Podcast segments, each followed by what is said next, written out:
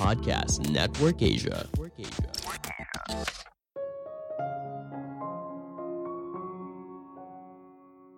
Orang jenius itu tidak berasal dari bawaan lahir, tapi mereka dibentuk di waktu dan lingkungan yang tepat. Halo semuanya, nama saya Michael. Selamat datang di podcast saya, Sikutu Buku. Kali ini saya akan bahas buku The Geography of Genius karya Eric Weiner.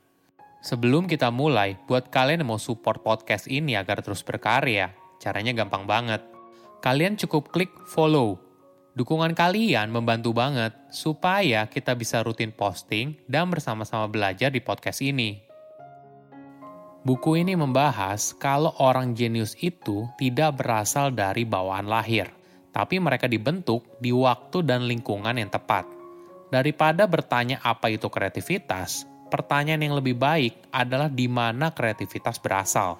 Karena orang yang jenius itu tidak muncul secara acak, tapi biasanya mereka berkelompok di zaman dulu, kita mengenal Athena sebagai kota dengan peradaban yang sangat maju. Kini kita mengenal Silicon Valley. Walaupun kedua kota itu berbeda ribuan tahun dan letaknya juga sangat jauh, namun mereka memiliki karakter yang sama di bidang inovasi, kreativitas, dan jenius. Penulis berkeliling ke berbagai kota di dunia yang dianggap sebagai pusat inovasi dan mencari tahu apa yang membuat kota tersebut berbeda dengan kota lainnya yang ada di dunia. Saya merangkumnya menjadi tiga hal penting dari buku ini. Pertama, apakah jenius berasal dari bawaan lahir?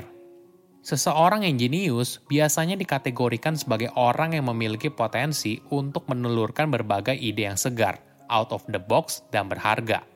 Di masa lalu, para ahli percaya kalau jenius itu berasal dari bawaan lahir, yang artinya berasal dari warisan genetik yang diturunkan dari orang tua ke anak. Sebagai contoh, Salah satu pemikir besar bernama Francis Galton punya pendapat soal peradaban dan genetik. Pada abad ke-19, Francis punya gagasan kalau sebuah peradaban bisa berkembang atau gagal karena gen mereka. Menurut dirinya, peradaban Yunani kuno menurun karena masyarakatnya mulai menjalankan kawin campur dengan orang non-Yunani yang dianggap punya genetik yang lebih rendah, seperti orang dari Asia Kecil yang sekarang dikenal sebagai Turki. Teori ini tentu saja ditentang pada masa itu dan Francis dianggap sebagai orang yang rasis. Ilmu pengetahuan modern juga telah membuktikan sebaliknya. Gen hanya memiliki peran kecil dalam pengembangan orang jenius yang kreatif. Kenyataannya, kreativitas justru terlalu kompleks jika hanya dijelaskan melalui gen semata. Inilah yang ditemukan oleh Dean Simonton, seorang peneliti terkemuka dalam kreativitas manusia, ketika dia mempelajari sejarah kreativitas. Dean menemukan di waktu dan tempat tertentu telah menghasilkan banyak pemikir hebat. Fenomena ini biasanya disebut sebagai Golden Age atau zaman keemasan. Di era tersebut, bukan hanya satu, tapi banyak orang jenius yang mengubah dunia hidup pada waktu yang sama. Ada contoh menarik dari Athena. Kota Athena kuno boleh dibilang sebagai kota kelahiran banyaknya orang jenius, mulai dari filsuf besar seperti Socrates, negarawan seperti Pericles, dan penulis drama seperti Euripides. Apa yang membuat Athena begitu spesial? Orang Athena memiliki rasa cinta yang besar terhadap kota tempat mereka tinggal. Warganya berlomba-lomba untuk menjadi kontributor terbesar bagi masyarakat. Selain itu, orang Athena banyak melakukan investasi ke dalam karya seni, hiburan, dan perayaan untuk mendorong kemajuan budaya di kota mereka. Misalnya kisah klasik tragedi Yunani kuno dari dramawan seperti Euripides dibiayai oleh orang Athena yang kaya. Alasan lain yang membuat orang Athena begitu kreatif adalah antusiasme mereka terhadap ide dari orang asing.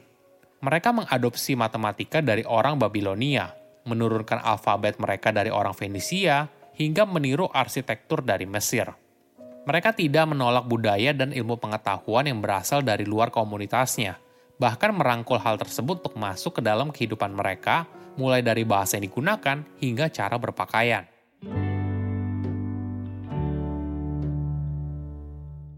Kedua, kota lahirnya orang jenius. Saat banyak negara Eropa terjebak dalam Dark Age atau dikenal dengan abad ke-8, Hangzhou di Cina adalah kota terpenting dari dinasti Song. Di sana, perkembangan kejeniusan dan kreativitas yang berlangsung sangat pesat dari tahun 969 hingga 1276. Hangzhou merupakan pusat pertemuan antara ide inovatif dengan nilai-nilai tradisional. Orang Cina pada saat itu tidak serta-merta langsung menerima hal baru, dan juga mereka tidak serta-merta menolak inovasi. Banyak ide besar diadopsi berkat percampurannya dengan tradisi lama. Hal ini yang membuat orang Cina pada masa itu tidak mengalami ledakan inovasi, melainkan inovasi berjalan konsisten dan lambat. Selama era tersebut, mereka berhasil menghasilkan tekstil dan porselen terbaik di dunia, dan boleh dibilang yang pertama kali memperkenalkan uang kertas. Penjelajah Marco Polo begitu kagum dengan perkembangan Hangzhou sehingga dia menulis puluhan halaman dalam buku hariannya. Pada akhir abad ke-14 hingga ke-16, Florence bukanlah kota terbesar dan juga bukan kota dengan pertahanan terbaik di Italia. Namun kota tersebut memiliki tingkat kreativitas yang jauh melampaui kota lainnya. Di kota ini, lahir para jenius seperti Leonardo da Vinci, Michelangelo, dan Donatello. Apa alasannya? Orang Florence yang kaya percaya pada nilai sebuah karya seni. Keluarga pengusaha kaya seperti Medici bersedia membayar seniman hebat agar ketenaran keluarga mereka bisa bertahan dalam jangka panjang. Sebagai gambaran, berbagai karya besar dari Leonardo da Vinci dan seniman hebat lainnya dibuat di bawah perlindungan keluarga Medici. Pendorong lainnya adalah perdagangan yang hidup pedagang Florence terpapar oleh berbagai ide yang beragam saat mereka melakukan perjalanan ke seluruh dunia untuk menjual barang dagangan. Misalnya saat seorang ahli matematika bernama Leonardo Fibonacci melakukan perjalanan ke Arab. Nah, di sana dia menemukan angka Arab. Leonardo segera melihat potensi penggunaannya untuk meningkatkan pembukuan komersial, lalu memperkenalkan sistem ini di Florence. Dari sana, secara bertahap menyebar ke berbagai kota lain dan sekarang digunakan di seluruh dunia.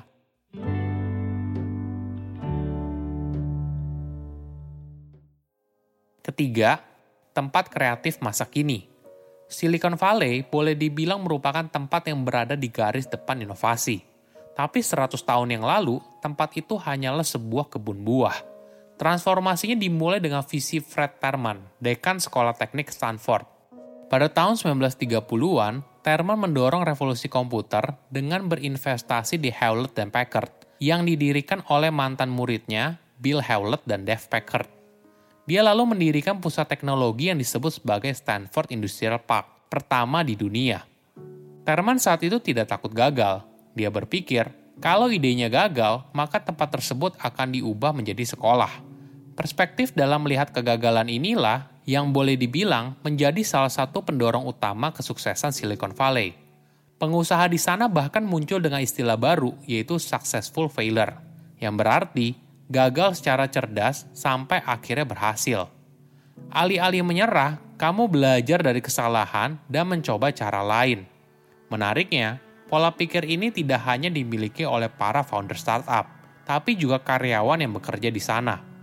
Mereka tidak takut mengambil resiko besar karena mereka tahu kalau mereka dapat dengan mudah menemukan pekerjaan baru. Hal ini ibaratnya high risk, high return. Setiap tahun, peringkat 10 perusahaan teratas di Silicon Valley bisa sangat berbeda. Genius tidak berasal dari genetik atau kepribadian seseorang. Sebaliknya, orang yang jenius tumbuh di tempat dan waktu yang terbuka pada ide baru, berinvestasi dalam karya seni, dan merangkul kegagalan. Saya undur diri, jangan lupa follow podcast Sikutu Buku. Bye-bye. Pandangan dan opini yang disampaikan oleh kreator podcast, host, dan tamu tidak mencerminkan kebijakan resmi dan bagian dari podcast Network Asia. Setiap konten yang disampaikan mereka di dalam podcast adalah opini mereka sendiri dan tidak bermaksud untuk merugikan agama, grup etnik, perkumpulan, organisasi, perusahaan, perorangan, atau siapa pun dan apa pun.